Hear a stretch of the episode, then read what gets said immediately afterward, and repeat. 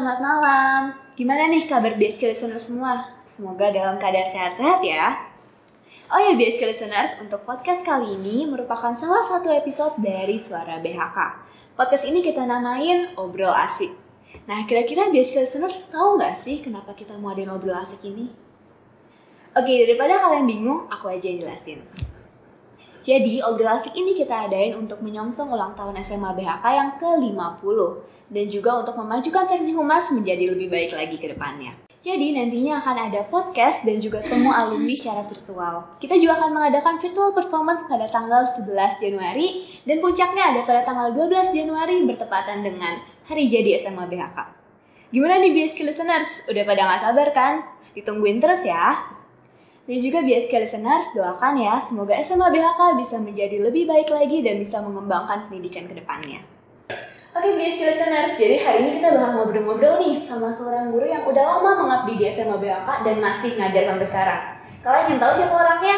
Ini dia Ibu Sisilia Sri Ekawati. Selamat malam Bu Sisil, terima kasih atas kesediaannya untuk mengisi podcast kita pada hari ini. Oke, selamat malam Vivi. Gimana apa kabar Vi? Baik, Bu Ibu sendiri gimana Bu? Baik, sehat, luar biasa ya. Oke, jadi sebelum kita mulai nih, saya ingin minta izin dulu pada Ibu. Apakah Ibu berkenan jika ke depannya saya akan bertanya mengenai kehidupan Ibu di dalam maupun di luar BHK? Oke, boleh. Oke, kalau gitu kita lanjut ya ke pertanyaan pertama. Boleh, boleh. Nah, saya ingin bertanya nih, Ibu itu anak keberapa dari berapa saudara ya? Saya produk zaman dulu, jadi banyak saudaranya. Saya anak pertama dari enam bersaudara. Berarti di rumah ramai ya? Oh, rame, tetapi setelah dewasa masing-masing berkeluarga jadi sepi. Hmm, iya. Kalau misalnya Ibu gimana perasaannya menjadi seorang kakak dari enam lainnya gitu? Oh, senang tentunya ya. Apalagi dulu waktu saya kecil itu saya ada pengalaman ya yang tak terlupakan bahwa ketika ayah saya eh, kebetulan waktu kami SD kecil eh, ayah saya berlangganan dua majalah tuh Bobo sama Ananda. Tetapi dia punya aturan bahwa yang membaca harus dari anak yang pertama. Wow, seneng saya di situ ya. kita baca dulu baru dikasih ke Oke, adiknya ya? betul. Ibu dulu lahirnya di mana? Lahir saya di kota Cilacap di Jawa Tengah dekat Pulau Nusa Kambangan. Oh, jauh. Saya belum pernah mampir ke Oh sana. belum pernah ya kapan-kapan ke sana ya nanti saya ajak ke Nusa Kambangan. Oke. Dan saya ingin bertanya nih, Ibu ketika masih kecil ada nggak pengalaman yang berkesan? Masih kecil ya, kecil banget gitu ya, belum sekolah gitu Iya, ya. belum Oh. Nah, waktu kecil belum sekolah itu saya punya pengalaman, walaupun belum sekolah, tetapi saya sering diajak oleh ayah saya yang kebetulan guru, jadi diajak. Kemudian saya dititipin nih di susteran. Kebetulan bapak saya kan mengajar di eh, sekolah Katolik ya, seperti ini satu yayasan dengan dengan yayasan Asti Dharma. saya dititipin di susteran nanti kira-kira mungkin sekitar pukul 9 jam 10 kan biasanya anak-anak udah capek udah lelah, terus saya diambil diantar pulang. Hmm, masih teringat sampai sekarang Oh, ya, Bu? masih, masih. Oke, tadi kan yang masa kecil nih, sekarang yang masa sekolah, Bu. Ada nggak yang diingat? Masa sekolah. Oh, saya pernah itu punya pengalaman kelas 3 ya. Saya punya kotak pensil baru dan semua isinya juga baru. Tetapi kebetulan tertinggal di laci. Eh besoknya saya lihat udah nggak ada. Uh, saya tuh kecewa banget dan sedih banget ya karena gimana ya. Aduh. Masih kecil kan ya, Iya, baru iya, masa, betul. aduh gimana banget. Ya itu salah satu ya. Ada lagi juga saya punya pengalaman ketika SMP nih ya. Waktu itu ulangan matematika, kebetulan nih eh, tahun ajaran baru nih ulangan matematika pertama kali gitu ya. Eh ketika sudah sudah mau saatnya membagi tuh ya seminggu kemudian itu gurunya tuh agak marah-marah nih karena nilainya tuh doremi doremi katanya begitu ya marah-marah kemudian kasih nasihat macam-macam. Waduh saya juga sedih ya karena kebetulan ayah saya kan guru matematika kalau saya nilai matematikanya jelek sedih gitu. Ternyata ketika sudah dibagi satu persatu nah ini nih tinggal satu orang nih. Aduh saya udah panik itu saya tinggal satu orang itu. Wah ternyata kok itu nilai yang tertinggi. Jadi saya aduh senang sekali ya. Bahagia banget pasti yang oh iya bagus pasti. ya. Oke, Bu, ini pertanyaan selanjutnya agak deep nih, agak dalam. Hmm. Saya ingin menanyakan pada Ibu, menurut Ibu apa sih arti orang tua dalam kehidupan Ibu? orang tua ya. Wah itu orang yang luar biasa ya. Karena orang tua saya hadir di dunia ini. Jadi menurut saya ya dia juga sekaligus. Kebetulan kan pendidikan agama di dalam rumah itu luar biasa ya. Dia sebagai apa namanya tanda kehadiran Tuhan ya. Tanda kehadiran Allah buat saya Hmm, Ibu pun sekarang merasakan yang Oh iya, orang tua. Iya. Oke, nah sekarang saya ingin bertanya lagi nih pada Ibu ya. Ibu kan ketika kuliah mengambil jurusan matematika Mm-mm. ya. Ibu ada alasan tertentu nggak kenapa ingin mengambil jurusan itu? Oh, saya sebenarnya nggak pengen tuh jadi ambil jurusan matematika. Sebetulnya cita-cita saya yang sesungguhnya adalah saya pengen masuk jadi biarawati, jadi suster. Lalu karena satu dan lain hal, akhirnya eh, saya tidak memilih itu. Lalu saya memilih salah satu jurusan di mana tidak banyak omong karena memang saya tidak tidak suka omong. Saya orangnya pendiam. Kalau orang menanyakan dan jawabannya iya pasti saya hanya begini. Kalau tidak hanya begini. Jadi memang nggak nggak suka dengan omong ya. Maka saya pilihannya itu kerja yang di laboratorium seperti di apa usaha perikanan itu di bagian pembinihan pembenihan saya suka itu kemudian di kehutanan tapi ternyata yang diterima adalah di IKIP jadi perguruan tinggi untuk eh, menjadi guru ya.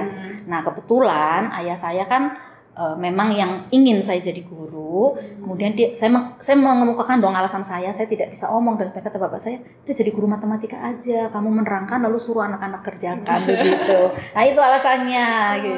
Jadi penerus ya sekarang jadi penerus iya dakwah ini. Kalau gitu, tadi kan udah yang kecil dan sekolah nih. Sekarang saya menanyakan yang saat kuliah. Hmm. Ada nggak yang Hmm. mengesankan pengalamannya? selama saya kuliah ya selama saya kuliah itu ya tadinya ketika saya berangkat ke kota Semarang pikiran saya waktu itu saya hanya mau melulu kuliah tetapi ternyata karena memang dari dari SD SMP SMA begitu banyak aktif di gereja lalu tiba-tiba kayak ada suara yang memanggil kok kamu cuma tidur kuliah makan begitu saja ya akhirnya ya ya akhirnya saya memilih untuk mengambil bahwa saya tidak hanya kuliah tetapi aktif di organisasi ya baik itu di kampus maupun di gereja gitu. Oke. Berarti ibu setuju dong kalau sama orang-orang yang bilang Mhm, begini, mhm. ketika kuliah itu jangan cuma fokus belajar aja, Betul. tapi juga aktif di organisasinya. Oh betul ya, apalagi di masyarakat ya secara umum luas itu luar biasa pengaruhnya karena kita hidup di masyarakat yang heterogen begitu ya. Kalau kita nggak terbiasa dengan bergaul dengan banyak orang ya nanti akan menjadi sulit gitu loh. Hmm, kan juga bakal berdampak untuk ke depannya kalau Betul. kita mudah bergaul. Oke, sebelum ibu bekerja di BHK nih, ibu pernah bekerja nggak sebelumnya? Pernah? Saya pernah mengajar di SMP Salomo di Semarang. Jadi Ketika- waktu itu sebelum lulus saya Oh, sambil kuliah. lulus. Hmm. Terus ibu masuk untuk mengajar di BHK ini sejak kapan ya? Tahun 1993. Oh, udah Ya. ya. 27. 27 tahun. Jadi hampir ya katakan separuh hidup saya karena begini. Saya sekarang usia 54. Saya mengajar di BHK 27 tahun. Berarti separuh hidup saya memang saya berada di sini di SMA Bunda Hati Kudus. Hmm. Ibu ada alasan tertentu nggak kenapa memilih untuk mengabdi di BHK? Em, alasannya ya mungkin waktu itu jadi begini ya. Saya itu bersekolah dari TK, SD, SMP itu di yayasan yang memang dikelola oleh suster-suster Putri Bunda Hati Kudus di Cilacap. Hmm. jadi eh, persahabatan dengan para suster itu eh, ada begitu ya lalu eh, ketika tahu saya masuk IKIP ah nanti ngajar di SMA BHK aja di Jakarta katanya begitu. Nah ketika saya lulus eh, sebelum lulus ya memang saya apa memberi apa namanya surat lamaran kemari tapi waktu itu tidak membutuhkan guru matematika jadi nggak langsung diterima. Nah akhirnya ya udah tadi saya mengajar di SMP Salomo saya lanjutkan terus toh. Lalu kemudian eh, setelah satu tahun saya mengirimkan surat lamaran itu ternyata suatu hari ayah saya telepon kamu pulang sebentar karena suster Rosalia yang saat itu menjabat kepala sekolah di SMA Bunda Hati Kudus akan datang ke rumah. Waduh saya pikir untuk apa ya? Saya saya malah lupa dengan lamaran saya. Ternyata di situlah terjadi ya transaksi akhirnya saya mengajar di sini. Hmm, Oke, jadi kan kita ngomong soal kuliah udah nih, Mm-mm. kecil udah, sekolah pun udah. Sekarang ketika ibu bekerja di BHK nih, Mm-mm. ada nggak pengalaman menarik yang berkesan buat ibu? Banyak sekali ya pengalaman menarik, banyak pengalaman eh, kecewa juga pasti ada lah namanya Hmm, orang hidup ya gitu. Terus yang kamu tanyakan? Saya menanyakan hmm, yang menarik Oh deh. menarik. Ya eh, persahabatan saya dengan orang-orang muda itu luar biasa. Apalagi ketika saya masuk SMA Bunda Hati Kudus, saya itu membuat satu program yang namanya Geladi Rohani. Jadi dulu ketika mahasiswa, saya kan aktif di Pemuda Katolik. Nah untuk masuk ke Pemuda Katolik kan ada semacam kaderisasi. Nah itu akhirnya saya buat di sini untuk eh, bagaimana cara masuk menjadi anggota kelompok rohani maka ada geladi rohani. Di situlah saya mulai apa namanya artinya saya memang sangat senang ya bergaul dengan orang-orang muda begitu lalu ya berproses bersama-sama mereka untuk menjadi orang-orang muda yang fight yang yang yang sukses begitu Hmm. itu ya itu salah satunya ketika awal-awal dulu begitu Oke, tadi kan Ibu ada mengatakan Ibu sudah mengajar selama 27 tahun nih. Berarti di BLK selama 27 tahun dan di Salomo mungkin beberapa tahun ya. Selama selama itu Ibu ada merasa nggak menyesal mengambil profesi ini? Profesi guru oh tidak menyesal. Memang dulu tidak tidak mau jadi guru tetapi sekarang menjadi eh, sesuatu yang harus saya syukuri ya. Jadi artinya eh, saya ada banyak waktu untuk anak-anak saya. Kebetulan anak saya juga semua kan sekolah di eh, Bunda Hati Kudus. Jadi artinya di rumah di sekolah kebersamaan dengan anak-anak itu selalu ada. Itu yang istilahnya itu eh, kepentingan pribadi jadi saya ada selalu bersama mereka begitu Hmm, keluarga penting ya. Oh iya penting sekali. Tapi juga jangan salah kebersamaan dengan anak-anak di SMA itu juga eh, tidak mengurangi eh, rasa cinta saya kepada keluarga. Artinya begini, meskipun waktu dulu ya di awal-awal saya mengajar di sini tuh kalau eh, seperti kelompok rohani itu bertemu, mereka itu hari Minggu loh.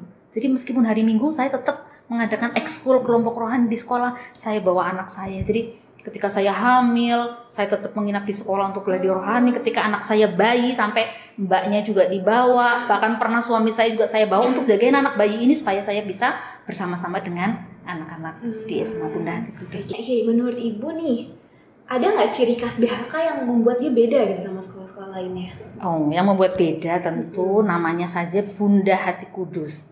Harapannya mungkin eh, bahwa anak-anak itu didik dengan hati ya. Kemudian eh, Bapak Ibu guru, karyawan itu juga bekerja dengan hati sehingga aura yang nyaman, eh, penuh persaudaraan ya, itu ada di SMA Bunda Hati Kudus. Hmm, sehingga ya sehingga orang tua kan e, mempercayakan anaknya ke SMA Bunda Hati Kudus begitu. Selain misalnya e, apa sih kelebihan SMA Bunda Hati Kudus tentu di yang kemari-kemari ya akhirnya e, belakangan ini tuh ekskulnya yang lumayan banyak dan di situ benar-benar anak itu e, bereksplor ya mereka apa namanya e, berkegiatan di situ luar biasa Hmm. Oke, sekarang kan BHK ini udah hampir mencapai usia 50 tahun ya, sebentar lagi nih. Menurut Ibu kenapa BHK bisa bertahan selama ini? Dan Oh. masih berkembang hingga sekarang? Oke, pertama-tama itu karena Tuhan itu luar biasa baik ya. Iya. Jadi sekolah ini adalah sekolah yang eh, melayani eh, atau berpihak pada orang-orang yang lemah mungkin atau miskin dalam arti mungkin kalau tidak bisa membayar yang mahal ya ke SMA Bunda Hati Kudus Hmm. begitu ya. Eh, terlepas dari itu eh, karena kemurahan Tuhan, eh, saya melihat ada sesuatu yang yang apa ya?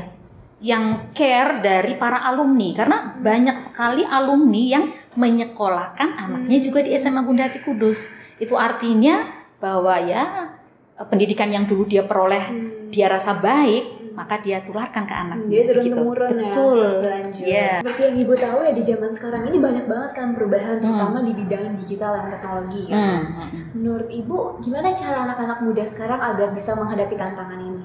Oke, baik. Ya, apalagi sejak pandemi ini ya, orang bukan hanya orang-orang muda loh, bapak ibu guru, semua orang-orang tua ya dari dari orang dari ah si kecil sampai orang tua sekarang tidak lepas dari gadget ya.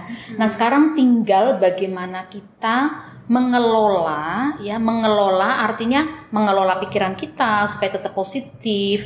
Jadi selektiflah terhadap apa yang kita lihat. Jadi seperti misalnya orang muda ya, ya manfaatkan untuk pengetahuan-pengetahuan yang mungkin tidak bisa diambil atau tidak bisa didapat dari sekolah, ya dia harus explore cari di internet ya, bukan hanya untuk games dan sebagainya begitu loh. Jadi justru dengan internet itu, wah kita mau dapatkan apa yang kita inginkan itu ada di sana. Kalau anak bijak pasti akan memilih sesuatu yang baik dan berguna. Begitu juga orang tua sama. Kita akan eh, ya itu tadi bijak untuk memilih apa yang kita lihat, apa yang kita tonton ya, seperti itu. Harus bisa memprioritaskan ya. Mm-mm, lebih betul penting. sekali, betul. Oke, kalau gitu saya ingin lanjut nih Hmm. untuk pesan-pesan lagi nih, pesan-pesan untuk semua rekan-rekan kerja ibu selama di BHK ini. Oh. Apa yang disampaikan? Oke. Tentu pesan-pesan itu bukan hanya untuk rekan tapi untuk diri saya sendiri juga ya. Artinya begini, kita sebagai manusia itu harus selalu berkembang. Jadi belajar itu bukan hanya untuk orang muda tapi orang tua pun juga demikian. Artinya Bapak Ibu guru juga senantiasa harus terus-menerus belajar, mengikuti perkembangan zaman dan diusahakan supaya hari ini lebih baik dari kemarin, hari esok lebih baik dari hari ini, dan ya tetap mem memprioritaskan profesionalitas kita sebagai guru. Berkembang maju ke Ya, depan ya. Oke, sekarang kita udah sampai nih pertanyaan terakhir nih Bu. Hmm. Oke, ini sekedar pesan aja Mm-mm. yang ingin Ibu sampaikan Mm-mm. dalam rangka ulang tahun SMA BHK ke-50. Pesan. Mm-mm. Oh, SMA BHK tetap jaya dan semoga tetap diminati oleh masyarakat yang ada di Jakarta Barat maupun di seluruh Indonesia pada umumnya. Begitu. Oke, terima kasih Bu. Semoga bisa tercapai dalam waktu dekat ya semuanya. ya. Amin. Oke, Bu, saya ingin mengucapkan terima kasih atas kesediaan Ibu untuk telah mengisi di sini dan juga saya doakan semoga Ibu sehat selalu, dilancarkan rezekinya dan juga bisa membagikan kebahagiaan ya kepada orang-orang di sekeliling Ibu. Amin. Terima kasih Vi. Doa untuk kamu juga Iya. ya dan untuk BHK. Oke. Makasih, Baik. Sama-sama. Selamat melanjutkan kegiatannya. Ya, terima kasih.